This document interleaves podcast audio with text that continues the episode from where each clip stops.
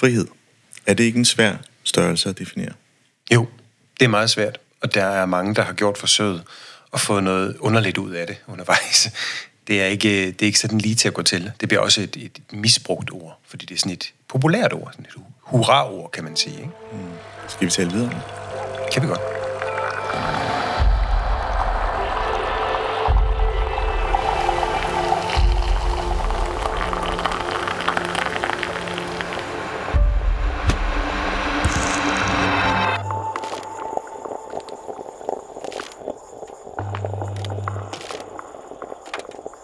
Velkommen til podcastprogrammet Kaffe og Ledelse. Mit navn er Ejhan Gomes, stifter af Mindcloud og vil være jeres podcastvært. I disse dage er det meget populært at diskutere frigørelse af kommuner i forhold til forvaltningsopgaver. Frikommuneforsøgene udgør en betydelig del af regeringens ambitiøse samarbejde med kommunerne for at nedbryde byråkrati, øge effektivitet og forbedre styring i den kommunale sektor. I 2020 tog regeringen et dristigt skridt ved at indgå innovative velfærdsaftaler med syv udvalgte kommuner som et nyt og banebrydende forsøg. Jeg citerer fra Indrigs- og Sundhedsministeriets hjemmeside. Formålet med frikommuneforsøg var at afprøve nye måder at gøre tingene på i den offentlige sektor med henblik på at finde mere effektive løsninger, der kan sikre mere kvalitet for pengene og eller mere tid til kernevelfærden i kommunerne. Erfaringerne fra forsøgene under frikommuneforsøget inspirerer løbende til forenkling og forbedring af de statslige regler. Ja, i løbet af 2020 blev der indgået konkrete aftaler, der dækker områder som folkeskole, dagtilbud og ældreomsorg. Disse velfærdsaftaler frisætter syv udvalgte kommuner for størstedelen af de tunge statslige reguleringer på de tre områder – dette menes at kunne åbne op for en mere lokal handlefrihed og autonomi, hvilket potentielt kan føre til nyskabende løsninger og skræddersyede tilgange, der bedre imødekommer behovene i den enkelte kommune. Da jeg læste dette, tænkte jeg, okay, det er nu alligevel lidt vildt. Men er det virkelig en frigørelse, når det kun er et forsøg? Skaber det ikke yderligere krav til kvalitetsmålinger for at sikre, at det rent faktisk virker i forhold til at brede det mere ud? For nærmere dette spørgsmål starter jeg et helt andet sted, nemlig ved at erkende en tilstand, at vi som samfund og offentlige organisationer har skabt en kultur, der har afsourcet velfærden til embedsmænd. Embedsmænd i organisationer er skabt til at levere resultater til lavest mulig omkostning, hvilket betyder, at denne outsourcing har et styringsmål, der primært er økonomisk og ikke altid menneskecentreret. Til dette spændende emne, og med stærk inspiration fra min gæsts nye bog Ufrihedens Pris, er min gæst Dennis Nørmark, selvstændig forfatter og næstformand for bestyrelsen i Danmarks Radio. Dennis er forfatter med en stor passion og prøver at flytte folk ind i hovedet igennem bøger og foredrag. Velkommen til. Tusind tak. Ja, jeg synes, det er et spændende emne, og jeg har læst, øh, lyttet hedder det, 9 timer ud af de 15. så ja. så der, der er 5, 6 øh, timer, som jeg har til gode, og det kan være, det der løsningerne ligger. Så, så jeg vil gerne lige her i hvert fald disclaimer, sige, hvis jeg stiller nogle spørgsmål, sige, og du svarer, det står faktisk i min bog, så, ja. så, så er det fordi, de ikke, i hvert fald ikke er blevet nævnt de første 9 timer. Nej, det er rigtigt. Men vi sidder her i, i jeres hjem her, i øh, lidt nord for København, og du har budt mig jo lidt på kaffe og sådan, så... Mm Ja, hvad er det, jeg drikker? Det smager rigtig godt, faktisk. Jamen, det er, jeg gør meget ud af kaffe. Jeg, har, jeg får sådan, øh, sådan en, en øh, pakke en gang om måneden med sådan tre forskellige øh, bønder i, ja. som, øh, som, øh, fordi at jeg er den eneste, der drikker kaffe i, i husstanden, øh, så jeg har det også for mig selv. Det er jo fint nok. og, så, og så sørger jeg for at brygge mig selv nogle, nogle ordentlige kopper kaffe, for jeg, jeg, er jo, jeg er jo i, selvstændig, så jeg er jo på det her hjemmekontor hele tiden. Ja, ja, øh, så det er det, det, det, det, det koster lidt, men det er også det værd. Altså, hvis din vej falder forbi stævn, så har jeg også en lidt smart maskine med også lidt feinsmaker kaffe. Mm. Og mit problem er, at uh, Mokka-masteren, den er der ikke rigtig nogen, der gider mere. Nej. Så når den store familie kommer på besøg, så bliver det altså ret mange kaffe, og ja. det ved du også godt, ja. det bliver en dyr omgang. Det gør det, det gør det, ja. øhm, de, de, de kalder det sådan lidt øh, i citationstegn, vi vil ikke have din slavekaffe. det er sådan. jeg, byder, jeg byder sjældent mine gæster på det her, men det for nu, når det nu overskriften er kaffe og ledelse, så tænker jeg, okay, men så, så får du de gode bønder i dag. Den er ja, virkelig god, og det er jo sådan en af de her, den her franske pressekaffe-ting. Ja, ja, med, ja. Øh, og, ja, det plejer jeg at bruge. Ja, og ja. Det, det, det giver altid sådan et, okay, her har vi med en, der faktisk gør sig lidt umage. Ja, mm. men øh, det, er, det, det prøver jeg også. Det, det, er, det er mit, øh, det er mit drug. det er det, vi drug. Mm. Men skal vi så ikke prøve at skåle i det, som bliver dagens drug? Jo, der gør Skål. vi. Skål. Skide og velkommen til. Tak skal du have.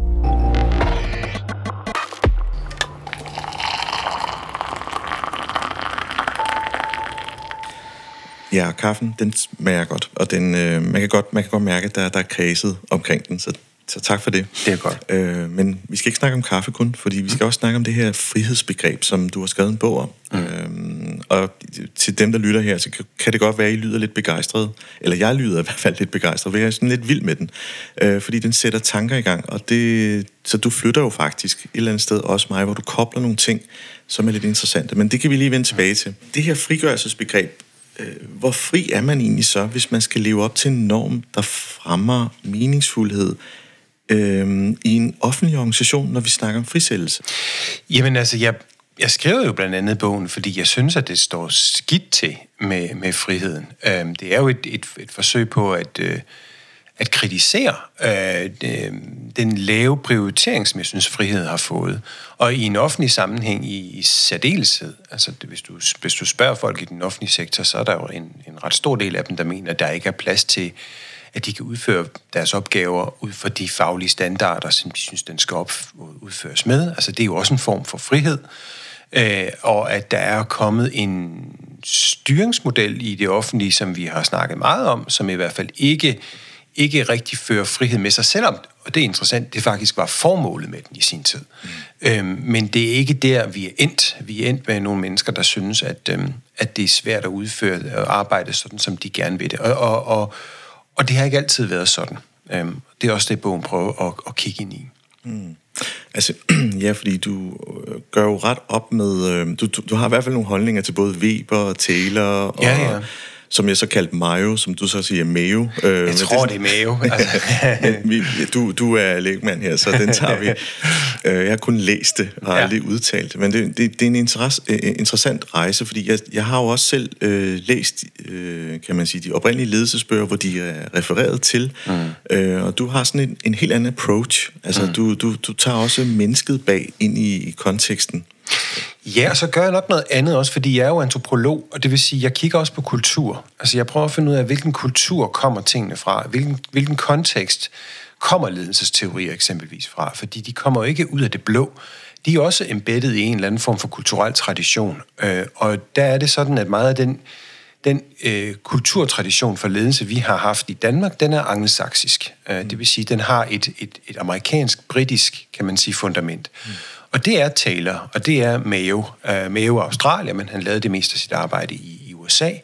Øhm, og og den, den, øh, den tradition er bygger på nogle særlige forestillinger omkring ledelse, og i allerhøjeste grad på nogle forestillinger om arbejdere, hvad der motiverer dem, øh, frihedsaspektet. Øh, alle de der ting er en, er en del af, af det her ledelsesapparatur, som vi har arvet. Øh, Øh, der er heller ikke ret mange, der ved, hvorfor blev det lige dem, der vandt. Altså, hvorfor blev det den amerikanske? Hvorfor blev det Taylors idéer om sådan en om scientific management, om EOS idéer, om motivation osv., osv., som, som i virkeligheden kom til at dominere. Og jeg beskriver i bogen, at de kom jo faktisk med Marshallhjælpen, de her øh, idéer.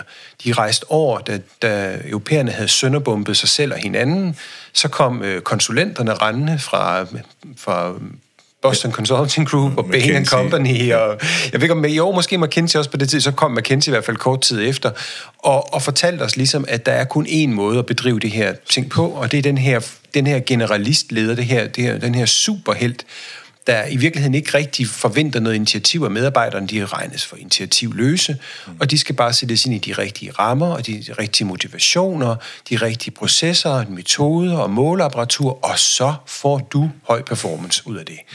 Øh, og så, øh, for, så drøber vi lidt mave, med, der lyder sådan lidt mere humant oveni om, at du skal også lige give dem en julegave, og et fitnessrum, og, og lidt opmærksomhed, og skrue lidt op og ned for lyset en gang imellem, og så laver de også noget mere.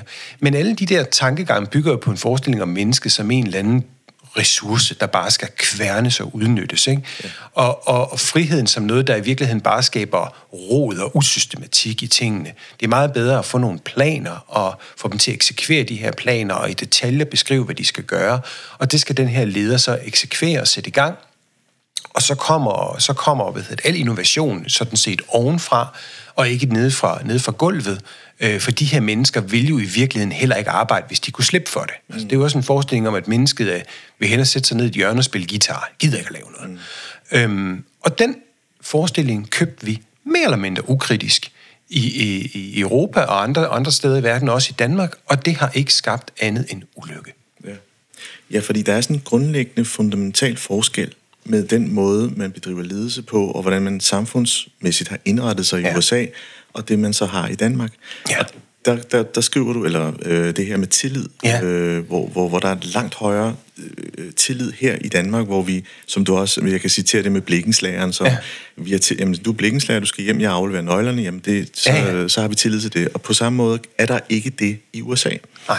Øh, og det er jo sådan en, en, et humant øh, værdikompas et ja. eller andet sted, som man så ikke tager højde for, når man overfører det, som er retorisk ret stærkt, det her meget cooperative sprog, mm. som, man siger, øh, som egentlig udsætter mennesket for det her, der hedder, øh, du kan godt arbejde lidt mere, ikke? der følger noget skam med.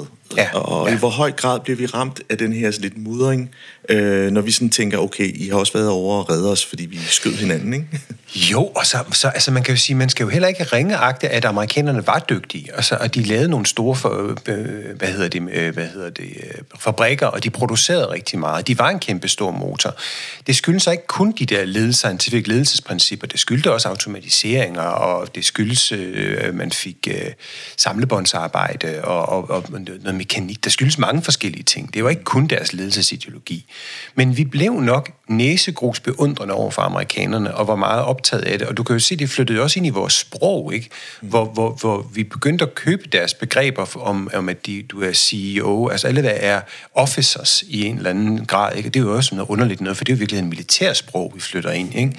Øh, og vi begynder pludselig, at alle, alle vores, vores afdelinger får pludselig amerikanske navne, og vi får Key Performance Indicators, og vi får i det hele taget den der forestilling om, at vi skal på en eller anden måde altså efterligne den, den, den amerikanske ledelsesstil. Øh, sådan en lille smule næsegrusbeundrende. Og det er ærgerligt, fordi vi har en ekstrem ressource, som du også nævnte det, i vores, i vores tillid i det her samfund. Fordi Danmark er jo bygget op af sådan nogle ja, andelsbevægelsen, ikke? Af, af, af sådan nogle mennesker, der, der sluttede sig sammen, øh, hvor hierarkierne ikke var specielt stejle, øh, med, hvor folk havde ret stor øh, hvad hedder det, mulighed for at bestemme ting selv, hvor magtdistancen var meget lav. Og det er faktisk det, der er kilden til meget af vores succes. Vi, vi glemmer altså, at, at altså Danmark i slutningen af 1800-tallet var hørt til blandt de 4-5 rigeste lande i hele verden. Mm. Og det gjorde vi altså på baggrund af en meget tillidsbaseret, meget lav magtdistance, øh, ordentlig sådan konsensusdreven måde at drive forretning på. Så der var ikke nogen grund til at importere det amerikanske ledelsesregime. Men vi gjorde det alligevel, fordi at vi var ja, lidt naive, lidt, som jeg sagde, lidt næsegrus beundrende over for det. Og så tabte vi i virkeligheden noget meget væsentligt, nemlig vores tillidssamfund, øh, eller i hvert fald dele af det. Mm. Øh, I hvert fald i vores, øh, den måde, vi bedriver organisationer på. Ikke? Ja. Altså, jeg kan jo ikke lade være med at tænke på øh, at sidde i en chefgruppe i en offentlig organisation. Øh. Hvor stærkt et sprog, tal og økonomi egentlig er i ja. rummet. Ja. Og det er måske også det, der kom med, med, ja. øh, med det for USA øh, i, i forlængelse af industrialiseringen, i det her med at kunne producere noget, der kostede meget lidt. Mm. Øh, og der var nogle ret, ret klare linjer på, hvordan arbejdsløn og forhold og timesatser, og mm. altså det var jo nærmest en, en drejebog for, hvis du gerne vil have en succes, så er det sådan, du gør. Ja, yeah, if you can't measure it, it ain't real. Ikke? Altså, så, det, ja, så det var ideen om, at, at du skal kunne måle på alting. Ikke? Øh, og det der med bare, kan man sige, at, at, uh, at rely on gut feeling, ikke? Altså det der med, det er jo nok rigtigt, det er jo nok kvalitet, hvis du, for hvis du er professionel og ved, hvad du laver, så, så ved du vel, hvad der er kvalitet. Men pludselig bliver vi enige om, at nej, det ved de ikke. Det skal ned i et Center of Excellence, eller en eller anden kvalitetssikringsenhed. Ja. Hvorefter det, det, det bliver afkoblet fra de enkelte professionelle, og bliver ført over i en centraliseret enhed i stedet for. Og, og, og, og igen, ja, noget af det er billigere, noget af det er mere effektivt, men der skyder også det ene ledelseslag ind efter det andet, og ledere er ikke billige. De koster mange penge dels i løn, og dels fordi de skal sådan set også informeres om, hvad der foregår. Så der skabes sådan et entourage af supportfunktioner nedenunder lederne, som gør, at den her pyramide bliver stejlere og stejlere, med flere og flere mennesker, som har en sådan administrativ supporterende, ledelsessupporterende funktion. Og det, det glemmer vi at tage højde for, at det faktisk også er, er ret betydeligt øh, bekosteligt at lave den form for organisering.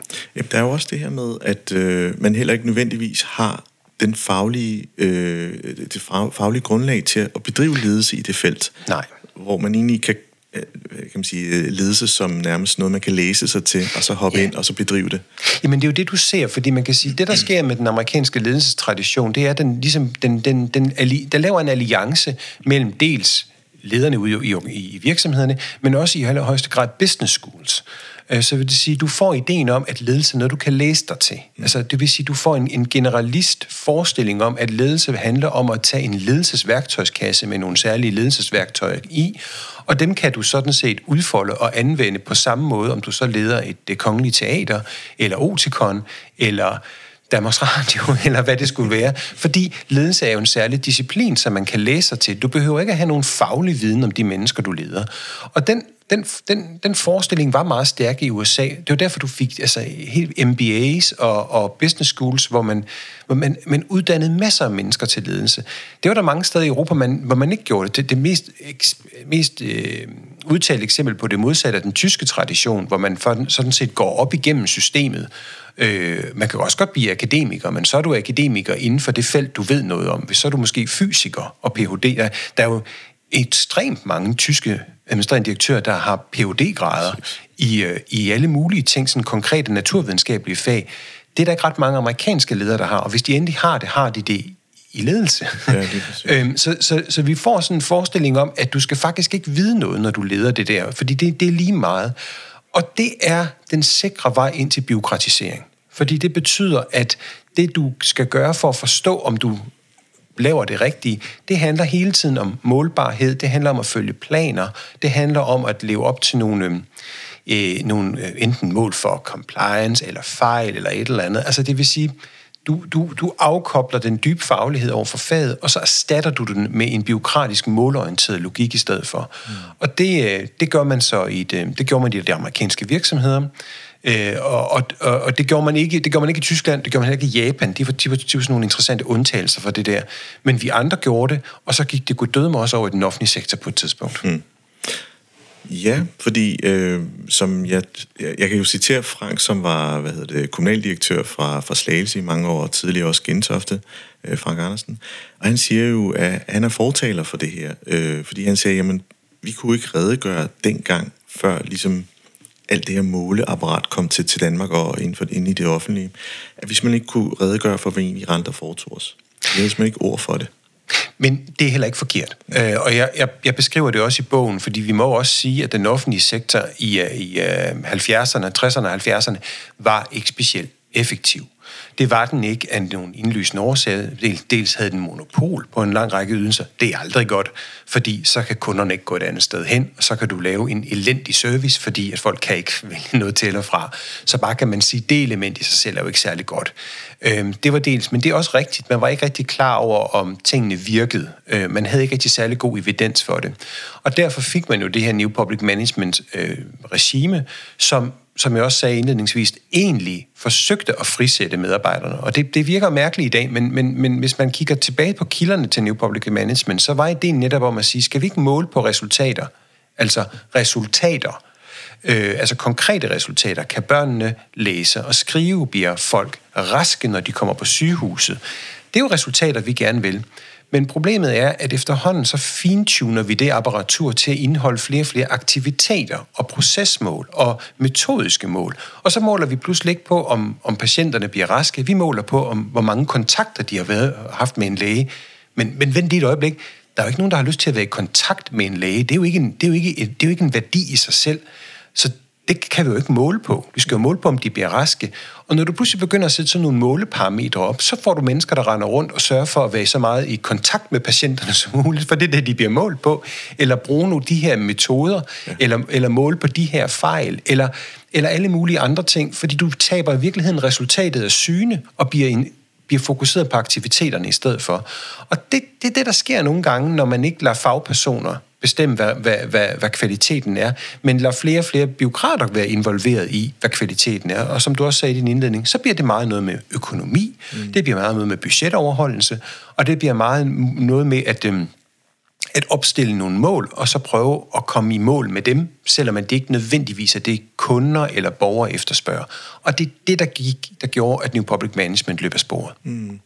Jamen, jeg kan ikke lade være med at lave sådan en, en parallel til til PISA-undersøgelsen, hvor mm. Finland nummer, lå nummer et i lang tid, og Danmark lå ikke særlig godt, Nej. og så lavede man jo en radikal forandring der i, øh, var det i 15 eller 14 med den nye skolereform og så videre. Ja, ja. Inklusions øh, ja, ting. Og ja. det, fordi det, det er sådan en ekstern forstyrrelse, et pres om, at hey, der er noget, vi ikke lever op til med mm. nogle referencerammer, som man har defineret sådan nationalt eller internationalt, må det næsten være, ikke? Mm. med PISA.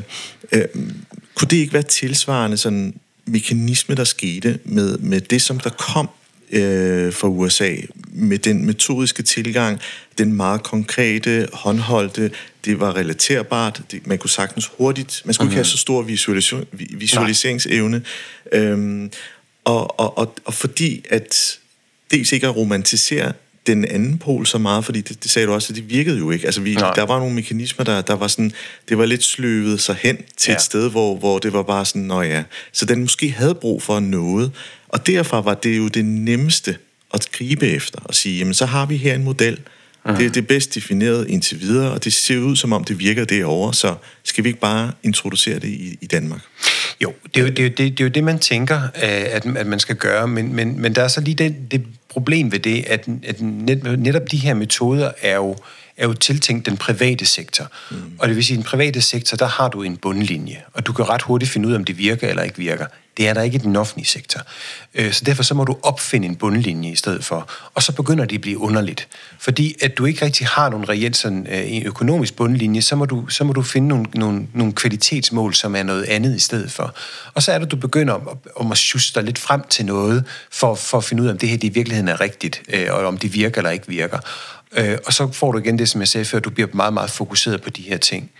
Øhm, der, der var helt klart nogle andre ting, man kunne have gjort i stedet for. Altså, for eksempel så manglede man jo viden om, hvad der måske virkede, øh, og man manglede måske forskning i, hvad der virkede. Og det er en rigtig god ting, og det er noget af det, vi har fået i dag. Altså på det pædagogiske område, så har vi en større didaktisk viden, end man havde dengang. Vi ved også, at der er nogle børn, der eksempelvis har ADHD eller andre ting, som skal behandles på en særlig måde. Altså vi får hele tiden ny viden, der gør os bedre til at udføre vores arbejde. Øhm, så så det, det, meget af de, mange af de her fremskridt vil være kommet af sig selv alligevel, altså uden de her styringsparadigmer. Mm. Øhm, så jeg vil i hvert fald altså, påstå, at når, når så mange mennesker for eksempel flygter for forskellige brancher, som de jo gør i dag, lærere, sygeplejersker osv., så, så mister vi jo en ekstrem stor ressource af dygtige mennesker, fordi det styringsparadigme tager deres frihed fra dem. Ja. Og det er konsekvenserne, kan man sige, af, af, af, af den rejse, der har været. Ja. Det, jeg egentlig prøver at undersøge her, det er jo, at, at du som grundlæggende tænker, jamen, når vi i, øh, nu bruger du begrebet stammefolket, øh, ja. og det her med, hvis man egentlig efterlod dem, så er med referencer til, til fluen, tror jeg, du, du havde. Fluernes herre. Ja, fluernes herre, ja. det var den hed. Men det der med, at vi, vi har sådan en forforståelse om, at øh, hvis du bare efterlader til kaos, så vil vi begynde at bekrige hinanden og slå hinanden i smadre, øh, ja. indtil der er en, der er tilbage. Hvor du egentlig gør op med, at det er faktisk ikke det, der sker. Det, det, det, vi er faktisk meget venlige og hjælper hinanden osv. Øh, overført til det, der egentlig skete på det tidspunkt, hvor man så siger, okay, vi har noget, der har sløvet sig selv hen. Mm. Så det er jo nemt at gribe efter den der, jamen, de vil ikke arbejde. Nej, lige præcis. Og det, det er jo en, grund til, at jeg skrev, har skrevet den her bog nu, det er, nu har jeg beskæftiget mig også med mine to tidligere bøger om pseudoarbejde og tilbage til arbejde, har jeg beskæftiget mig rigtig meget med byråkrati, ikke? Øh, om hvorfor, hvorfor tingene bliver så komplekse, som de gør.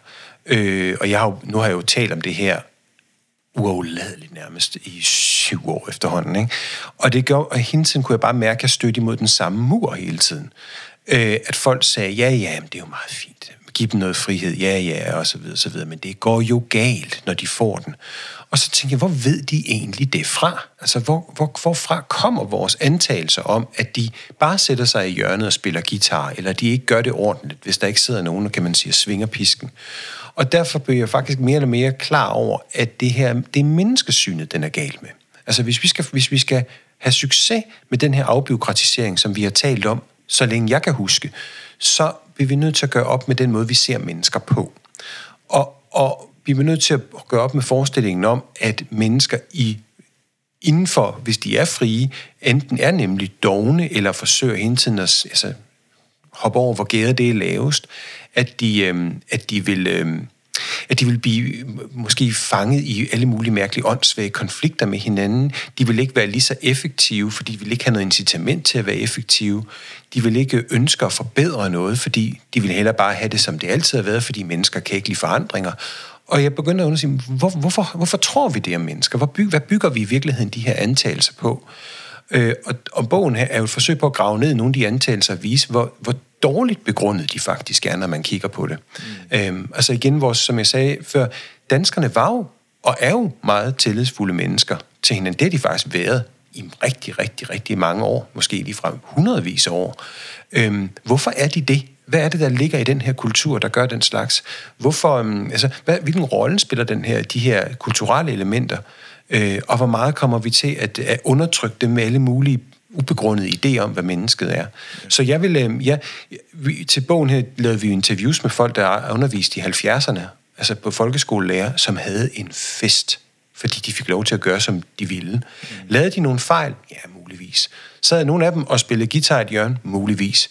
Men det, der er gået galt, det er, at vi bruger utrolige ressourcer i dag på at bekæmpe de der to-tre stykker, der ikke kan finde ud af det. Vi bruger enorme ressourcer på de få fejl, der sker. Ikke? Øhm, i stedet for at sige, kan vi ikke leve med det spild? Kan vi ikke leve med de fejl? Skal det, altså, er effektiviteten den eneste Gud, vi beder, beder til?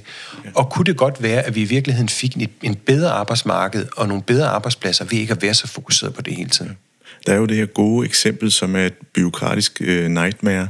Det er jo den her ø, der ligger lige uden for Grønland, hvor øh, Canada og Danmark mm. på skift afleverer lidt en whisky, og så er det, jeg tror, det er, er det snaps fra den danske side, ja, ikke? og så, så ja. hejser de flag hver nu eller et eller andet. Ja. Og, og, og, og sådan juridisk, så er det et, et fuldstændig gråzone, ja. men man har fundet en, en løsning, man egentlig godt kan leve med. Ja og der, så snakker vi ikke mere om det. Nej. Og det er jo sådan en, en ting, som mennesker kan, som, ja. som et system ikke kan finde ud af. Det, det, det er præcis det. Når mennesker bliver bedt om at løse opgaver, så løser de jo faktisk tingene på den måde. Men når menneskerne involverer sig i folk med en meget sådan biokratisk logik og en forestilling om, at, at mennesker egentlig er ondskabsfulde, eller, eller i hvert fald, kan man sige, meget egennyttemotiveret, jamen så, så bliver det det der worst case scenario, man hele tiden arbejder ud fra. Altså, jeg, en af mine, jeg læste et fantastisk eksempel her for nylig for den, øh, det øh, luftfartsselskab, der Southwest Airlines, mm. som er sådan et sted, som folk elsker at arbejde. De er super sjove. De har det virkelig sket, når de går på arbejde. Øh, og de, de, de er meget aparte på mange måder. Øh, og passagererne kan også godt lide mig. På et tidspunkt, så havde deres, jeg kan ikke huske, hvad han hedder, men deres CEO, Øhm, øhm, på et tidspunkt så var der, var der et, et, havde de et slogan i Southwest Airlines, der hed Just Plain Smart. Det var et fedt slogan, men det var der også et andet luftfartsselskab, der mente, at de havde retten til. at se, hvad ville byråkraten gøre nu? Sæt øh, advokaterne i gang med en lang juridisk togtrækkeri om, hvem der fandt på det først osv., og, det, og, og det gik op for Southwest Airlines. De eneste, der vinder på det her, det er byråkraterne, det er advokaterne. Vi kommer til at bruge 10 millioner dollars på det her. Og så sagde CEO'en, hvad nu, hvis vi laver en konkurrence, hvor jeg simpelthen lægger arm med den anden CEO. Mm. Det gjorde de. De lavede sådan et event, hvor de, hvor de simpelthen lagde arm, og den, der vandt armlægningskonkurrencen, fik lov til at have sloganet. Ja, altså, en, en hver byråkrat vil jo fuldstændig miste hovedet på det her, fordi sådan må man ikke løse ting. Må man da så? Ja. Det må man sgu da gerne. Altså, der er nu værd med at tage enhver form for fantasi og virketrang ud af mennesker ved at påstå, at alting skal foregå i de her rammer. Ikke? Og det viser bare, hvor hvilket fedt potentiale vi har, hvis vi ikke lader det, jeg kalder den, sådan, den administrative overklasse, hele tiden vinde, og hele tiden lade deres logik være styrende. Og det er ikke for at sige, at byråkrati ikke virker, fordi vi kan ikke være, være for uden byråkrati. Weber havde ret i, at byråkrati er godt. Det virker. Men hvis det bliver den dominerende regime. Mm. Hvis det kommer til at være sådan, at vi tager, at vi, vores menneskesyn tager farve efter det byråkratiske maskineri. Byråkrati, det er bare en metode. Ja. Det er bare en metode. Øh, men hvis det, hvis det bliver et menneskesyn, så bliver det perverst. Øh, menneskesynet skal vi tilbage til. Mm. Øh, og nu nævner du byråkratiet. Jeg talte med øh, Jonathan Schloss på det tidspunkt, der var han øh, direktør for Komponent, øh, hvor vi netop talte lidt om det her kompleksitetsfaktoren i det offentlige. Øh, og det vi egentlig sådan arbejdede os hen imod, det var det her begreb med, jamen, med tilliden til, til, til dem, der arbejder ude på gulvet, til de politikere, der så giver dem øh, kan man sige, instrukserne og lovgivningen og rammerne for, hvad de, hvor de kan arbejde osv., eller hvad de skal lave. Mm. Øhm, og det, det hans argument var, det var jo, at, at dem, der egentlig vil have mest dokumentation for det, de laver, skriftlig dokumentation, det man også kalder de kolde hænder, man vil, Ja. det er faktisk dem, der arbejder helt ude på gulvet. Det, det sad jeg sådan lidt og tænkte over, hmm, kunne det ikke også handle lidt om, at de var måske blevet lidt trætte af, at de skulle diktere, så de har brug for at få det skrevet, så der ikke er noget, der er blevet efterladt til tilfældighederne. Og det er mere en forsvarsmekanisme, mere end det handler om, at de ønsker mere dokumentation. Øh, og, og den fik vi aldrig svar på. Og den tænker jeg jo lever bedst, den resonerer bedst hos mig. Altså jeg kan jo sagtens forestille mig, at ej, det må vi hellere få skrevet ind. Der skal jo ikke være noget, der, der tænker, jeg har lavet noget andet. Mm. Jeg har været ude på de her 10 besøg, jeg må hellere få noteret, hvad jeg egentlig har brugt min tid på. Det, der er problemet der, tænker jeg, Dennis, det er jo, de, de målereferencepunkter, vi har i forhold til, hvornår noget er en succes, er jo stadig baseret på en økonomisk tænkning. Mm.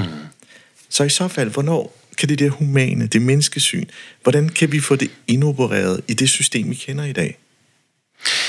Jamen, for at lige tage det, det, det, det første først, så, så kan jeg godt genkende det der med, at nogen beder om de her ting, også ude i frontlinjen. Og jeg tror lige præcis, som du siger, at det skyldes, at man, at man internaliserer den her logik selv. Altså man begynder efterhånden også at gå mere op i ikke at lave fejl, end at, end at lave sit arbejde, fordi man ved, det er det, man bliver straffet, og det er det, det, er det man bliver vurderet på. Og dermed så bliver den her logik jo en, der overtager tænkningen overalt, også hos de mennesker, som egentlig burde være, være orienteret imod noget andet. Og det viser jo, kan man sige, igen problemet med at have den her, den her over, den, den økonomiske overdommer, der hele tiden, må man sige, byråkraten får altid ret til sidst. Ikke? Ja. Øh, og, og, og, og, og byråkraten måske ligefrem tror, eller sådan økonomen, eller juristen, eller kendt, kendt Polen, tror, at deres deres, deres viden og deres måde at gå til tingene på er lidt finere og lidt bedre og lidt mere, lidt mere rationel end de andres måde at gøre, på, gøre tingene på. Og det er, jo, det, er jo det, det er jo det hierarki, jeg forsøger at gøre op med at sige, men, men I har ikke altid ret. Jeres logik er bare en del af de logikker, der er derude. Men, men der er mange andre end de økonomiske logikker. Altså, når, når, når folk passer børn, øh, eller prøver at lære dem at læse og skrive osv., så, så er det meget svært at, at, at måle det ud på kroner og øre, hvad der er det rigtige at gøre der. Øhm, og, at bruge, at bruge en økonomisk logik der, kan ofte faktisk skabe mere skade end det andet, fordi der sker det, man kalder en crowding out-effekt. Altså ja. det vil sige, når du, når du bruger økonomisk rationalitet på et område, som egentlig ikke er egnet til det, så begynder folk også at tænke som homo economicus. Og så begynder de også at sige, jamen jeg skal have noget for det, eller jeg skal... Altså, hvad, hvad, hvad er incitamentet for mig i det her?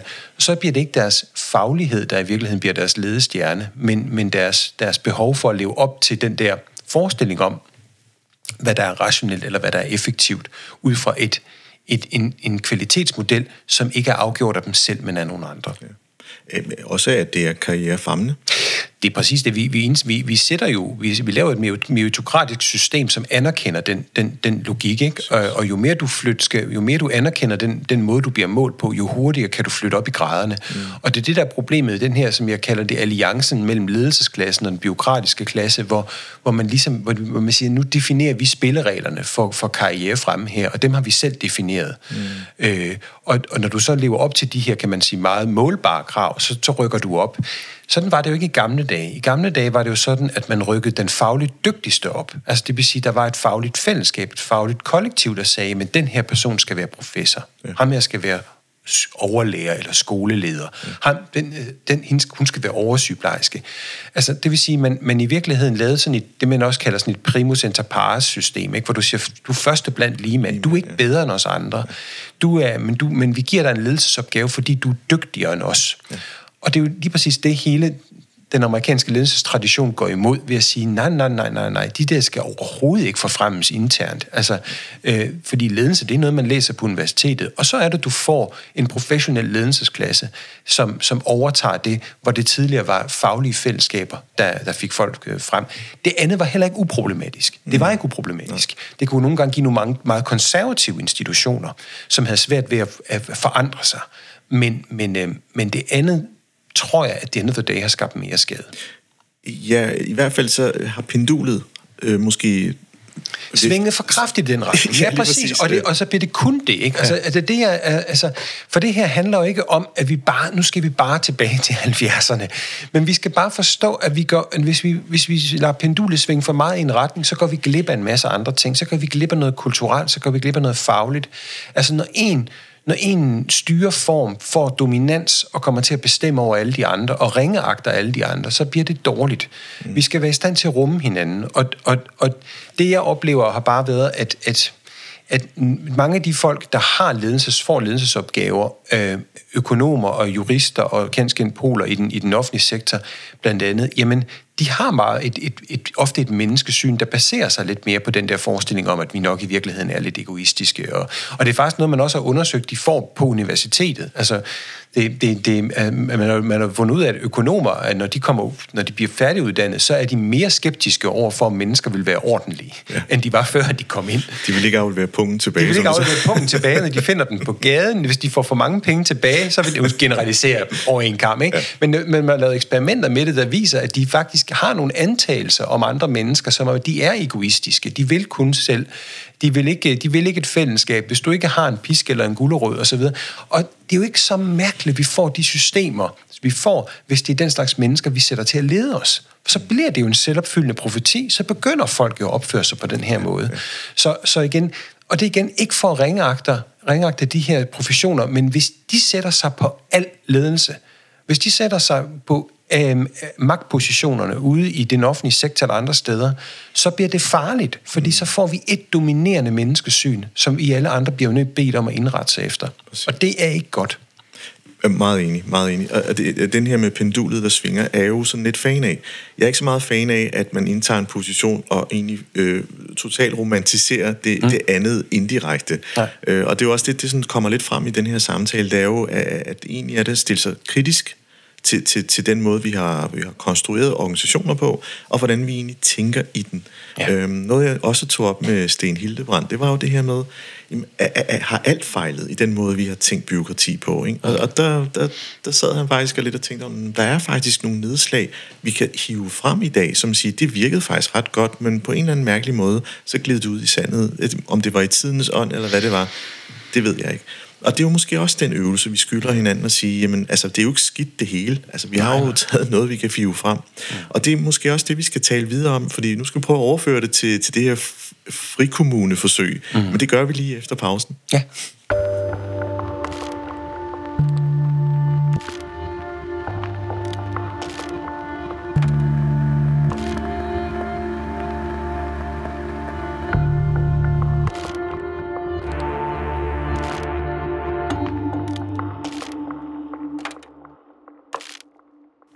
Dennis, vi, vi taler rigtig meget om det her øh, frihedsbegreb, og, vi prøver, og du kommer i hvert fald med nogle rigtig gode, konkrete eksempler på, hvad der er sket gennem tiden. Øh, jeg prøver også at flytte os lidt til, til i dag. Og rigtig meget af det, som, som kommuner taler om, det er den her ønsket om at være en lille smule mere fri. Mm. Øh, og det er jo måske kommet lidt ud af den her lænke, der hedder, at der er så mange statslige krav, der gør, at man skal gøre opgaverne, eller udføre opgaverne på en særlig og bestemt måde. Og det har man så prøvet at, frigøre nogle kommuner for, hvor man så tænker, at det er et forsøg, og det er ment på at effektivisere. Og så er det der, hvor jeg tænker, at jeg bliver ramt af ordet forsøg og ordet effektivitet. Mm. Som værende, okay, men for at kunne gøre det, nu har jeg jo selv været det offentlige, jamen der introducerer vi jo langt flere målekriterier. Og hvis målekriterierne så stadig er baseret på, en økonomisk tænkning, mm. hvor fri er man så? Ja, øhm, det, er jo, det, er jo, det er jo rigtigt nok. Øhm, man kan sige, hvis vi kigger på effektivitet som sådan, så er det jo ikke noget, vi skal være uinteresseret i. Altså igen, vi betaler jo alle sammen til det her, øh, og vi, det, det er vi tvunget til at gøre, så vi skal selvfølgelig have det bedste ud af det. Men igen, jeg tror, man, man lader sig forlede lidt af en meget sådan snæver idé om, hvad effektivitet er nogle gange. Altså, og at det er... Altså, man, man, man glemmer, at i bestræbelserne på at gøre alting så effektivt som overhovedet muligt, så går du glip af nogle andre ting også. Øhm, og det, det, altså økonomerne har det her meget fine begreb, der hedder en opportunity cost. Altså det er det der med, at, at når du gør et eller andet, så, er, så vil der altid være noget, du så ikke kommer til at gøre. Øh, der er, en, der er, en, der er, en, der er en, et, et andet scenarie, du på en eller anden måde går glip af. Og det, det, det kan, når du, når du, når du, hvis du fokuserer ekstremt meget på, at alting skal være så effektivt som overhovedet muligt, så er der måske andre ting, du går glip af. Du går måske glip af en trivsel. Du går glip af, af arbejdsglæde. Du går glip af menneskers øh, fornøjelse ved at løse en opgave efter de retningslinjer, som de synes er de rigtige at løse dem øh, øh, på. Og det giver jo også mere, gør jo, at du kan holde på folk noget mere, at de bliver mindre stressede, eller så videre. Se, der er mange ting, du ikke lige umiddelbart kan måle på, mm. hvor, hvor frihed i virkeligheden går ind og giver altså et, et ekstra boost. Vi ved jo, at, at når folk oplever, at de uh, har mere frihed i deres arbejde, at de har mere selvbestemmelse osv., så er de også mere effektive, så er de også mindre stressede, så er de også gladere for deres arbejde. Der, det giver en masse andre, kan man sige, øhm, der, der er masser af andre ting, der dukker op, øh, når, når du gør de her ting. Så hvis man, hvis man fokuserer meget, meget snævert på sådan en, en målbar effektivitet, så glemmer man alt det, man kunne have opnået ved måske at være mindre nede i det spor. Mm. Øh, og det, og det, de, de, de, kan man sige, gevinster bliver aldrig rigtig regnet med på samme måde. Altså det er jo ligesom, man kan gå meget op i på en arbejdsplads, at vi må ikke begå en fejl, og så bruger vi enorme ressourcer på det her, ikke? Og vi glemmer at bruge, hvor tænke på, hvor mange enormt mange ressourcer vi bruger på at undgå de her fejl. Øh, så, så der, hvis vi nu giver friheden en større chance og siger, vi tror faktisk, det at skabe frihed og, og meget løse rammer osv., at det, at det simpelthen emagerer øh, en eller anden form for noget nyt, vi ikke har set før øh, så, øh, så, vil det, så kan vi godt leve med, at det på nogle hjørner ikke er så effektivt. Øhm, I hvert fald i forhold til det, vi kan måle. Men det er meget svært at fortælle til en, en, en biokrat inden for det regime, som jeg har prøvet at forklare her. Ja, ja det, altså, og jeg kan godt lide det billede, du præsenterer, som jeg også tænker, at det er jo idealet, mm. øh, at de får friere rammer til at tage nogle mere menneskelige, ja. øh, hvad hedder det, styrede beslutninger i deres arbejdsfelt. Mm som også smager rigtigt. Altså, øh, i hvert fald også hos mig. Ja. Det, som jeg egentlig anfægter her, det er jo den her med, ja, det kan godt være, at staten så siger, nu er du fri, kan holde væk til at, at lave din ja. egen skole og ældreområde osv. Det var bare et eksempel. Ja, ja det er et godt eksempel. Ja. Øhm, og vi har jo lige talt om, at dem, der bliver chefer og ledere, mm. formodentlig er rekrutteret i de brancher, som vi tidligere talte om, ja. som måske i sin altså som også den der statistik sagde, at de har ikke den store tillid til, til, til mennesker og holder på pengene selv, når de har muligheden for det. Mm. Så når det mindset lever, mm. så har jeg jo også været selv øh, været offer for det her med inden for beskæftigelsesområdet, øh, den afbyråkratisering på nogle områder, der slap man nogle af de her, sådan, det man kalder procesmål og mm. proceskrav. Ja. Problemet er bare, at øh, i organisationen, der, der opfandt vi bare nogle produktionsmål. Mm som var vores egne, som ikke var lovgivningsbestemt. Mm. Sandsynligheden for, at det kan ske, er til stede. Ja, det er det. Og i så fald, jamen, så har du fået tre år, hvilket også er absurd kort tid til at lave et eller andet frigørelse. Er der ikke noget... Altså, det, det, det er som om, der er nogle ender, der ikke rigtig passer sammen her. Jo, men det er jo derfor, jeg hele tiden vender tilbage til menneskesynet ja. også. Ikke? Fordi det er det, vi skal... Det, jeg, jeg, jeg mener jo, at det er jo derfor, det er en bog på 464 sider. fordi det er nogle ting, vi har gået og fortalt hinanden, som er blevet en del af vores, af vores humanitet, vores antropologi, vores måde at for, forstå øh, hinanden på.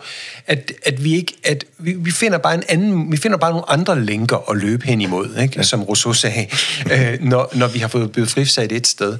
Øh, og derfor skal vi holde fast på, at igen, hvad, hvad er der sket? Sker der noget? Mm. Altså, og jeg, jeg tror, mange af de her frisættelsesforsøg bliver man nødt til hele tiden at operere med, jamen okay, lad os, lad, os, lad os gå i gang, lad os prøve det, lad os eksperimentere, lad os lege lidt, improvisere og se, hvad der sker. Øhm, men vi er meget hurtige til at sætte os ned før det der, og så begynder vi at holde et møde om, hvad kunne der opstå af risici og problemer undervejs osv. osv. Og så forhåndsdiskonterer vi alle mulige øh, problemer, som vi så alligevel gerne lige vil have lidt styr på og lige holde øje med osv. osv. Øh, og, og, og det, men mennesker er faktisk ret dygtige problemløsere. De er ret dygtige til at løse problemer, når de står midt i dem. Jeg er ikke så vild med begrebet vilde problemer. Jeg tror ikke, de fleste problemer er særlig vilde. Jeg tror, de fleste problemer er relativt konkrete, og så går mennesker ud og løser dem. Øhm, så, så igen, altså prøv at, når, når, når frisættelsen starter, så tro på processen. Mm. tro på, at, at, at, at fagligheden er til stede. Tro på, at I kan løse problemerne, som I ser dem. prøv at minimere den planlægning, og, de, og lad være med at prøve at lave nogle nye produktionsmål. Vær, vær ekstremt overordnet i forhold til, hvad skal vi her? Ja. Altså måske en til to, tre, ikke flere ting, mm. som vi gerne vil opnå, som vi er enige om, at det er, er, en, er et resultat, vi, vi selv gerne vil betale penge på, kan man sige. Ikke? Men, men det, vi, vi, man kan have en drøm om, ej gid, jeg havde noget mere frihed til at kunne håndtere det her. Så igen med referencer til Sten uh, Hildebrand, det her med, som han siger, ej han, jeg er opdraget i vækstparadigmet. Jeg er, altså, det, det skal jeg først aflære, for at kunne forstå ja, ja. Ja. det andet. Mm. Og det, du taler om, det er jo... Øh, altså, der, der mangler noget modningstid her, Dennis. Du kan ikke ja, ja, bare det kommer ikke, for den, det kommer ikke til at ske fra den ene dag til den anden. Og det, det er noget af det, når jeg, når jeg taler om det her, så bliver, sådan, så bliver folk meget sådan, hvornår sker det? Hvad sker der? Og så, og så kan du altid nævne Burtsok i Holland, ikke? Og alle ja. de der, som alle folk kender. Men, men igen, vi skal jo blive ved med at tale om sådan noget som Burtsok i Holland, ikke? De der, de, de der 15.000 mennesker, der har to ledere, ikke? Og som godt kan finde ud af at lægge deres egen budgetter, og som godt kan finde ud af, hvor meget tid de, de skal have ude hos de ældre, og som godt kan finde ud af at bruge det administrative apparat til at hjælpe dem og understøtte dem, ikke til at regulere dem og sætte nye sten, smide nye sten på vejen. Ja. Øh, og det er jo fordi, at, at og de der historier skal vi blive ved med at fortælle hinanden, for, for at være de der lysende eksempler på, at man godt kan gøre det anderledes. Eller Jak i Gentoft. Ikke? At vi, mm. altså, os, der beskæftiger os meget med det her, ved jo godt, det er de samme historier, der hele tiden siver rundt. Men det gør de jo af en god grund, fordi vi har brug for de der, de der hvad hedder det, um, organisationer, der gør det anderledes, til at blive inspireret af. Ja. Og, og så skal vi ikke tro, at det sker sådan fra den ene dag til den anden, for det gør sådan noget aldrig nogensinde. Det foregår langsomt, og det går små skridt øh, og så på et tidspunkt, så vender bøtten. Mm. Øhm, og det, det er jeg sikker på, at den gør. Altså, de der frikommuneforsøg har jo indtil videre i de der evalueringer, der er blevet lavet af det, været altså, det er jo imponerende, og folk er glade, og de vil ikke tilbage til noget andet. Så, så øhm, ja, det skal nok komme, ja. men det kræver en aflæring af nogle måder at tænke på. Øh, det kræver at vi, et menneskesyn, der bliver korrigeret, og så kræver det også, at vi tager noget af magten for den her administrative overklasse og siger, men nu, nu er det ikke... Jeg ved godt, I har fået et stort kørekort, til at styre verden på den her måde. Og når man har fået et stort kørekort til noget, så, tillægger, så vil man typisk have brug for at lægge verden til rette sådan, at det bliver ved med at være de retningslinjer, som man har lært. Fordi det er, nu, det er også det, der har skaffet en karriere, kan man sige. Ikke? Og, og begynder måske at pille en lille smule ved deres magt og indflydelse, og give den til nogle andre i stedet for. Og sige, men i må ikke bestemme så meget. Øh, I skal bestemme mindre. Øh, mm. Vi giver, bliver nødt til at give friheden mere ud til, til praktikerne derude. Og så skal vi ikke gå i panik, når de laver en fejl øh, men prøv at slå koldt vand i blodet, og så lad dem begå nogle stykker, og så først gribe ind, når det, hvis det virkelig sejler. Ikke? Øhm, og det, og det, er, og det, er en, det, er en, det er en hård logik at skulle vende sig til, når man har, man har, man har styret efter noget andet i, i rigtig mange år. Så, så det, øhm, det er ikke noget, vi kommer til at øh, skabe fra den ene dag til den anden. Nej, og det er jo lidt den modningstid, eller mm. nedsivningstid, eller om du vil. Altså den, den, det der med, at først skal man aflære noget, eller måske også pænere sagt, lære noget nyt og en ny måde at tænke proces på. Ja. Og det er ikke fordi, at vi skal introducere sindssygt mange konsulenter eller procesfaciliterer. Nej det, det, måske taler jeg til et mindset. Jeg tror, i din bog, der refererer du til, til Greve Kommunes måde at rekruttere en direktør på, ja, ja. Hvor, hvor, hvor man skal kunne dække over både teknik og miljø, og så var det sundhed og Ja, det var sundhed og pleje, og så var det også teknik og miljø, ja. ikke? Som og så læste du nærmest stillingsopslaget op. jo, men jeg, jeg, jeg, jeg tager det jo med, fordi, og det er ikke for at udstille Greve Kommune, jo, det er lidt for at udstille Greve Kommune, øh, fordi at det er bare for at sige, prøv at høre, grund, det er så påfaldende, at vi, at vi ikke stusser over sådan en stillingsopslag, og tænker, gud, kan man virkelig både styre socialområdet området, og så busdrift. Øh, nej, det burde man ikke kunne. Det burde man ikke kunne. Man burde, man burde finde et menneske, der, kan, der ved noget om de to områder, i stedet for at smæske det sammen i den samme profil. Ja. Og, og, og så længe vi får flere af den slags stillingsopslag, så har vi ikke løst problemet. Nej, men er det ikke et produkt af i, i masse år hele tiden effektivisere, effektivisere, skære ind til benet, reducere udvider direktørområdet, så, så deres øh, kan man sige, område er ret bredt. Jo, jo det, det er jo troen på, at ledelse ja. løser alt. Ja. Det, det, det er troen på, at det er de der logikker, og hvis man bare får flere af de mennesker ind i butikken, ja. så, så løser det sig på et tidspunkt. Og man har ikke forstået, at man faktisk er en del af problemet. Yes. Og for at kunne bevæge os over i menneskesynet, nu bevæger jeg sådan meget ja, i hjertet, ja. ikke? det kan du høre, mm. så, så, så er der jo det her med, så har man måske klemt den her saft sindssygt mm. meget i lang tid, og så bliver man frigjort. Ja. Og så står man der, så står man der. fuldstændig med sammen æblet, og saften er sivet ud. der er lige en sårbearbejdelse, der skal i gang, mm. og en selverkendelsesproces, og at hvis det virkelig skal være fri, det er min egen overbevisning, det er jo, at man kigger lidt indad og siger, jamen, hvad er det for nogle profiler, vi rekrutterer? Mm. Noget af det, som øh, ja. Wicked Problems argument er jo, at der skal være en diversitet i den måde, vi tænker på, så vi har flere måder at tænke på, inkluderet ja. Et lederteam. Ja. Og når man gør det, så skal man som menneske, som individ forstå, at det du deler med mig, Dennis, er lige så meget værd som det, jeg selv tænker, mm. og jeg skal være i det svære. Ja. Det er jo helt forudsætningen. Ja. Øhm, og og, og det, er en, det er en træningsbane, som er mere mentalt givet, mm. for at kunne arbejde sig hen imod, hvad er vi tager på arbejde for? Mm. Hvad er vores eksistensgrundlag i det hele taget? Mm. Mm. Så man begynder at stille de spørgsmål, som måske er mere rigtige end Nå, nu slap for den her proceskrav. Øh, mm. Fedt, mand. Nu kan vi bare finde på noget. Så, så er der ikke noget læring, tænker jeg. Mm-hmm. Det tror jeg er rigtigt. Altså, og det er, jo, det, det er vigtigt at få den der mangfoldighed ind i, øh, i, øh, i vores ledelse, og det er vigtigt, at vi, at vi er at det ikke er de samme tordenskjold soldater øh, hele tiden, for så bliver den her, kan man sige, logik jo øh, bare reproduceret. Altså, en grund til, det her, den bog, jeg har skrevet her, er jo, er, er jo ikke fyldt med policyforslag eller noget som helst andet. Og det har jeg gjort meget bevidst, fordi det er ikke der, vi skal. For det første, så vil, så vil alt, vi vil snakke om, det vil være policyforslagene. Og det er ikke det, der er andet. Vi kan ikke komme til policyforslagene, før vi kigger på menneskesynet. Det er det, vi først skal have kigget på og fundet ud af, hvorfor vi er kommet til de her underlige forståelser af mennesker og underlige forståelser af frihed, før vi kan begynde at lave tingene om. Og så er jeg enig med, at noget af det vil være at få brugt de her magtstrukturer op. Ikke?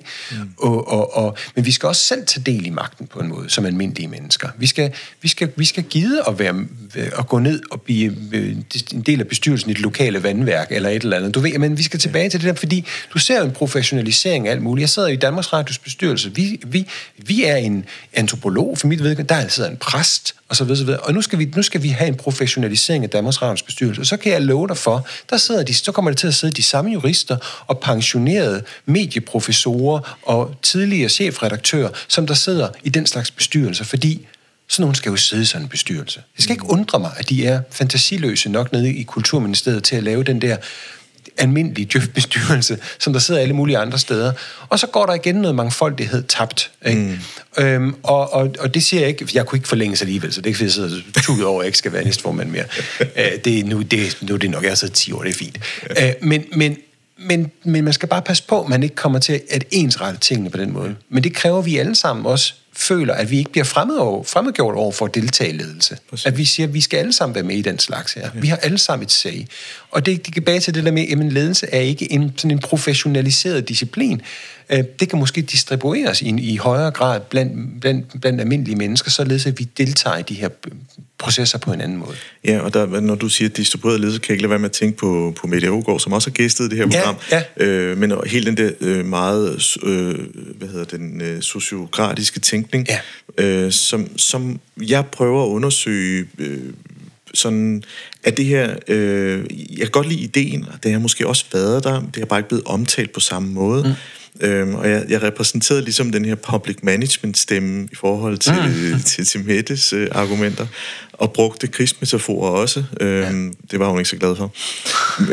men, men, min point er lidt, at kan det også være sådan en, en, en samfundspsykologisk øh, sådan apati mod ledelse, at vi netop drages hen imod, at vi distribuerer ledelse mere, end det faktisk... Altså, vi ønsker noget, men vi oprigtigt bare ikke gider det der ledelse mere, fordi vi har sådan en, der, der hænger sådan en sky over ledelse, som er negativt. Ja, altså ledelse har jo fået et, et, et dårligt ry, kan man sige, ikke? Øh, og, og, og ledelse er blevet Ledelse er også blevet meget mere, end det overhovedet kan holde til. Ikke? Og det skyldes jo også, at, at, at folk som konsulenter, eller ledelsesskoler og ledelsesbøger osv., osv. har præsenteret ledelse som nærmest en overmenneskelig form for ting, hvor man skal have nogle helt vilde ting, og bare sådan, slap nu af, det kan de slet ikke. Hvis de skal de, så dør de. Altså, giv dem, giv dem, gør nu ledelse til det, der er sådan et minimum af, hvad de skal foretage sig, og så prøv, om du ikke kan få distribueret igen nogle af de der ledelsesting ud hos, hos, hos folk. Fordi, hvad er, hvad er det, der kendetegner lederen? Jamen, det er jo blandt andet en større grad af frihed, altså mulighed for at bestemme nogle ting selv. Godt, giv den så til de mennesker derude, der måske er bedre til at tage nogle beslutninger, og så, og så lad ledelsen være koncentreret om det, der er den, den væsentlige ledelsesopgave. Altså, i, i ufrihedens pris beskæftiger jeg mig også med den preussiske hær, som er sådan et godt eksempel på en... På en øh, på, jamen, det er, jo, det, er jo, det er jo fantastisk at læse om, hvordan, hvordan man i, i, i Preussen på et tidspunkt fandt ud af, at det, der går galt i virkeligheden, det er jo sådan en som uh, Helmut von Moltke, sådan, som en general i den preussiske hær, der sagde, men det, der går galt, det er, at vores soldater kan ikke tænke selv, når de står i, i en situation. Når de står der, så skal de, så skal de ikke følge en anden plan. De skal følge det, der er deres, deres, deres militære instinkt i den her situation. Så de planer, vi skal lave som ledere, skal være meget generelle. De skal de er tilbage til det, jeg sagde før. En, to, tre ting, vi skal opnå ved det her. Men så en relativt stor metodefrihed til at gøre det. Det det, der hedder afstrakt taktik. Og, og, og det, det gav en kæmpe succes. Og en af de ting, som Molke var bekymret for, det var, at lederne ville blive overbebyrdet med alle mulige ting og alle mulige detaljer, de skulle være orienteret omkring. Og ting og rapporter, de skulle bede i et væk. For sagde, det, kan, det, det kan en leder ikke overskue. Det, det er åndssvagt. Øh, det, det, altså ledelse, man man skriver, ledelsesopgaven er hård nok i forvejen. Der er ingen grund til at bebyrde lederen yderligere ved de her ting, når de kan lægges ud hos de, hos de menige soldater. Og det, og det gjorde altså, at Preusserne, de gav os lammetæv. Det var derfor, vi mistede af Sønderjylland i 1864. Det var fordi, den her teknik, den virkede. Ja. Det er ret interessant, fordi nu ryger jeg lige tilbage til min samtale med, øh, med Jakob, som er major øh, mm-hmm. i mhm. Forsvarsakademiet, der blandt andet underviser kommende officerer i forhold til, hvordan de skal være mere processuelle. Ja. At den her med, lige snart rangen kommer ind i, i rummet, jamen, så tænker de, jamen, vi skal vel have en, en, en, en ordre ja. eller et eller andet, vi skal gennemføre. Ja. Øh, hvor, hvor de måske i højere grad godt kunne tænke os, at når vi er i, øh, i fredstid hjemme på, på, på tegnebrættet, mm. så vil jeg egentlig gerne have forskellige indspark øh, mm. til, hvordan vi kan slå det her slag, om vi bruger den metafor. Mm. Øh, og det, det, det, det er sådan en ting blandt unge mennesker. Øh, så er der også, når man lytter til unge mennesker, særligt der, der er kommet, øh, der er blevet direktør en ung alder og startede en, en, en ret fed geschæft. Nogle af de måder, de taler ting op på, det minder lidt om, og det er min egen fortolkning, mm. til den måde, McDonald's leder på. Altså, alt er skrevet ned på et stykke papir, så det er blevet sindssygt meget mere konkret mm. og meget mere byråkratisk. Yeah. Det smager jo fuldstændig Rasmus modsat. Ja, det er rigtigt. Det er, jeg har faktisk også tænkt meget over det, fordi jeg bliver, bliver tit spurgt om, om, om også nogle generationsforskelle i noget af det her. Øh, jeg er lidt bekymret for, at den unge generation har fået har, har, har vokset op i også et skolesystem, som bygger ekstremt meget på nogle formelle ting, du skal kunne, og nogle fejl, du kan begå. Hele, kan man sige, 12-talsskalaen er jo sådan en fejl, fejlfindingsmodel, ikke? Øh, og det gør, at man er meget øh, vant til at blive instrueret i at løse ting, og så passer man sgu nok meget godt ind i sådan en McDonald's-sammenhæng der, hvor tingene er meget, kan man sige, præcis beskrevet. Øh, det, og det, det, det, det, det kan godt være, det virker fint i McDonald's, fordi det, med det, de laver, er det sikkert ligesom med Ford-fabrikkerne. altså, jeg ved det, jeg kender ikke til området, det, det er, men, men, men, men, øhm, men, men det er bare ikke, den model kan du bare ikke bruge over det hele. Altså, og du kan ikke bruge den i steder, hvor du skal, hvor du skal pleje folk, eller være pædagoger, eller folkeskolelærer, eller andre ting, så bliver du nødt til at have en, en større grad af, hvad hedder det, metodefrihed. Ikke? Ja, øhm, ja. Altså man kan sige, igen for at komme tilbage til Molke, så, så, så, så skældner han jo også imellem, som, altså, de siger, det er jo ikke fordi, der ikke findes taktik. Taktik er, er fornuftig. Det vil sige, det er sådan en best practice, en idé om, at når man, når man står på den her side af en flod, og fjenden er derovre, så er det smartest at gøre sådan og sådan. sådan. Og han sagde, det, man må gerne benytte sig af taktik, men taktikken er jo bare igen en hjælp til at udføre sit arbejde. Det, der mm. sker, når du får et meget styret samfund, det er, at taktikken ikke længere er en hjælp, men det er en, øhm, det er en ordre. Ikke? Mm. Det er et, øhm, det er et, et en, øhm, det er en hemsko. Ikke? Det skal jo være noget, der, der hjælper dig, men det, det, men det er endt med virkeligheden, at the, surf, uh, the servant becomes the master. Ikke? Ja, det er præcis. uh, at nu skal, jeg, nu skal jeg følge processen. Jamen, den er jo hul i hovedet. Ja, det ved jeg godt, den er, men jeg skal følge processen. Øh, ja. Kunne du ikke følge den, når den giver mening? Desværre, det bliver jeg ikke målt på.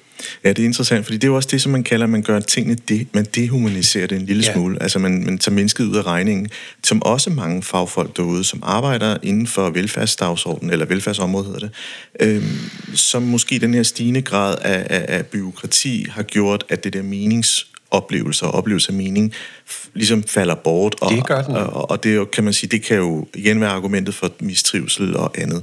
Øhm, og det, det er jo en helt anden snak. Mm. Og det er, det er også det sådan at sige, jamen, når man frigør en kommune i en norm, vi har skabt i vores samfund med nogle ret klare regler, som ikke har noget at gøre med forvaltningen, men en måde, vi, vi interagerer på i samfundet. Mm. Altså, øh, 12-taleskalaen. Det er jo ikke sådan, så at Holbæk, som god eksempel før, kan mm. gøre op med at sige, det har vi så ikke mere. Eller vi skal ikke lave nationaltest mere. Altså, det, det er jo nogle regler, hvor man siger, det kan de jo ikke afskrive sig fra. Øh, nej, nej. Så hvor meget frihed er der så tilbage at lege med? Nå, men der er, jo, der er jo meget frihed at lege med, mere man umiddelbart tror. Hvis du bare tager det der skoleområde der, altså, det er jo påfaldende i de her år, hvordan folk flygter fra folkeskolen over i friskoler og privatskoler osv. osv. Øh, det, det, det er jo en fadese for den danske folkeskole, at det, at det går så hurtigt, øh, at så mange mennesker gør det. Og det siger jo også noget om, at kunderne derude faktisk godt kan lide frihedsprodukter. Mm. At de faktisk synes, at, det, at de kan se, at deres børn bliver bedre af, at de lærere, der er derude, har friere rammer. For det er jo det, de har ude i friskolerne og lille skolerne de andre steder, som de ikke har i folkeskolen. Og det er jo det bedste argument for, at frihed virker. Og også, at kan man sige, slutbrugeren derude, kunden faktisk også oplever, at det er et bedre produkt, fordi det er udviklet i frihed. Ja, ja. Øh, og, og det alene burde jo være argument nok, ikke? For man kan se, jamen det, jo mere du binder, du binder det her ind, jo, jo, jo dårligere bliver det, vi ser i den anden ende. Fordi de her børn kommer ud og kunne læse og skrive osv. osv. De har bare ikke 3.000 læringsmål. Mm.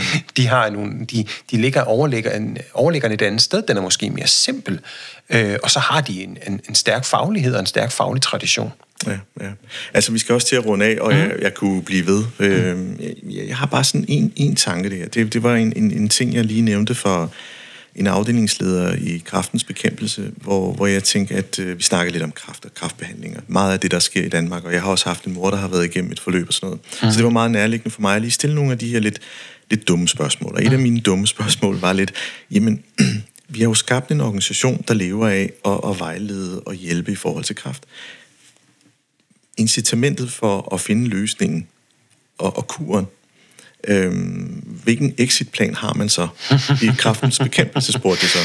Fordi ellers er der ikke noget incitament Nej. til at løse det, fordi man har et arbejde. Ja. Øhm, og jeg sagde, kunne man ikke sige, at vores exitplan er, at hvis vi finder kuren, øh, sådan antaget, at det er dem, der skal finde det, det er det selvfølgelig ikke, mm.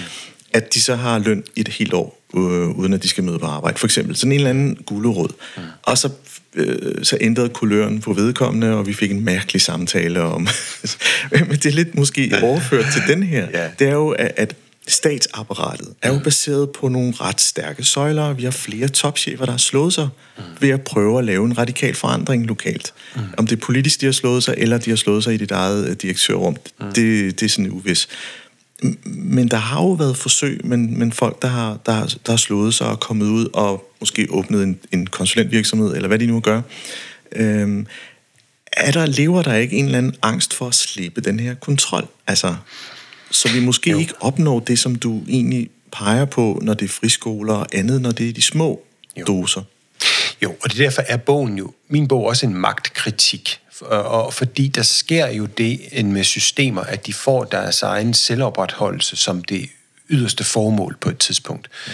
Altså, øh, det har jeg jo set sådan i en GO-verden eksempelvis, hvor man, hvor man altid bør finde et eller andet exit-strategi i virkeligheden. Så når, vi, når de her børn de kan læse og skrive, så, så opløser vi vores forening eller sådan et eller andet. Ikke? Mm. Øhm, og det er det med at have, være, være formålsdrevet hen i retning af et eller andet, hvor man faktisk kan gøre sig selv overflødig, for ellers så bliver organisationen sit eget formål. Og det er jo det, der er problemet med, med den tiltagende professionalisering af ting. Altså det er, at man ikke, at det ikke, at det ikke at, at pludselig så, så skal man jo så bliver det at få sig en løn, ikke, og have et arbejde osv., så videre, så videre, det bliver måske nærmere, næsten vigtigere, end at, end at udføre den opgave, som foreningen, eller hvad det nu var, øh, i virkeligheden havde som oprindeligt formål. Og det, den, den form for far er der i alle systemer, og det er derfor, vi skal have magtkritik. Det er derfor, vi skal have øh, vi skal, vi skal hen til en undersøge, hvad er dit motiv for det her? Øh, hvad, hvorfor vil du gerne have det her system? Hvad, hvad er, den, hvad er, hvad er øh, forvaltningschefen eller kommunaldirektørens interesse i det her, det her, det her. Altså, vi bliver, det er ikke for, at vi skal... Jo, det er lidt for, at vi skal gå og motivspekulere lidt, for det, det, det er egentlig sundt nok at forstå, at der er de her... Øh, at, at magten vil altid forsøge at, at lægge tingene til rette på en sådan måde, at det gavner dem selv. Øhm, fordi at ikke, ikke er ond vilje, men fordi man, man skal jo ligesom også have et sted at være, ikke? Og man skal jo, øhm, øhm, og, og igen, når man har opfundet, som jeg siger, et, et, en måde at bedrive magten på, og har ligesom gjort den til den, den dominerende, så er man ikke interesseret i at, at afgive de, de her, hvad hedder det, de her spilleregler at sige, de gælder ikke længere, fordi så afskriver man også sig selv noget af den her magt. Mm. Og det, øhm, det, det er væsentligt at holde sig for øje. Og derfor igen tilbage til, vi skal have brugt nogle, brugt nogle af de her magthierarkier op, vi skal indsætte nogle andre folk i dem. Ja. Eller så skal vi simpelthen måske barbere lidt i det her ledelseslag. Jamen, jeg, jeg, jeg synes, nu har jeg lige lært et nyt ord, motivspekulere. Og det er jo lige præcis det, du også gør i din bog i forhold til de her ledelseskikkelser, der har været som, som, som taler og, ja. og, og så videre. Øh, og det kan godt være, at det er sundt at gøre, uden at, at spekulere i mennesket bag, men, men rollen. Altså, så vi ja. distancerer sig for, at det øh, kommer med kritik til dig, Dennis, ja. så er det ikke fordi, at jeg synes, du er en dum person, men det er nej, måske den holdning, du har i forhold til noget faglighed, jeg gerne vil debattere lidt med dig. Ja. Og, og er det der med at være mindre konsensussøgende, men måske lidt mere prøve at være i det der, der er kontrastfuldt i, i, ja. i, i vores diskussioner. Ja. Men vi skal til at runde af. Mm. Dennis, et sidste spørgsmål til dig. Hvad, hvad drev dig egentlig til at skrive om frihed? Jamen, det var en almindelig sådan forundring over, at jeg synes, at vi, øh, at vi ikke tog det seriøst nok. Altså, at vi barberede mere og mere af det, fordi vi ville have noget andet sted for. Så ville vi have noget mere tryghed, eller noget mere lighed, eller noget mere effektivitet. Øh, og det er ikke altid, vi, som jeg siger, vil få mere effektivitet af at fjerne frihed, snarere tværtimod. Øh, Øhm, og det, det er bare, det er, jeg er optaget af det. Altså, så, så sent som i går så jeg det her nye EU-direktiv, der er kommet på banen, om at nu skal alle virksomheder til at tælle, hvor meget, bør, hvor meget folk de arbejder. Ikke? Men det jeg kan jo ikke være mere hul i hovedet. Men jeg kan jo godt se, hvad, hvor, hvor, hvor årsagen er. Jamen, jamen det er fordi, så ved vi, at der, så ved vi så er vi præcis styr på, hvis der kommer en eller anden sag med overarbejde eller udnyttelse af medarbejdere, så ved vi præcis, hvor meget de har brugt på det og det og det. Jamen, det er også meget sympatisk osv. osv. Men igen, tænk på, hvad du mister nu ved at tage den frihed fra folk. Den, den, den tillid, som mennesker skal have til hinanden i en organisation, vores evne til at sætte os ned og prøve at diskutere overarbejde og overtid med hinanden, leders incitament til at gå ud og undersøge, hvad laver mine medarbejdere, i stedet for at sidde med et eller andet dashboard nu, hvor de kan se præcis, hvornår de er tjekket ind. Altså, bliver, bliver det bedre ledelse det? Det tror jeg næppe. Så igen, jeg er, bare, jeg er bare fascineret af, hvordan vi så ofte vælger at sige, frihed er ikke så vigtigt, fordi vi får alt muligt andet i stedet for. Og vi ved simpelthen ikke, hvad vi går glip af. Ja. Tusind tak, Dennis. Jeg synes, jeg, vi har åbnet døren op for at få beskrevet begrebet frihed, som vi i sådan indledning sagde, og vi kom vidt omkring. Og jeg synes også, at øh, samtalen også bærer præg af at kunne åbne lidt en lille smule op for forståelser, og, og måske, måske også udfordre status quo en lille smule, så vi øh, træffer nogle som samfundsmæssigt de rigtige beslutninger i forhold til vores eftermæle, når engang vi stilles til ansvar om hvad, 50 år. ja. Tusind tak for en fed samtale. Velbekomme. Fornøjelse.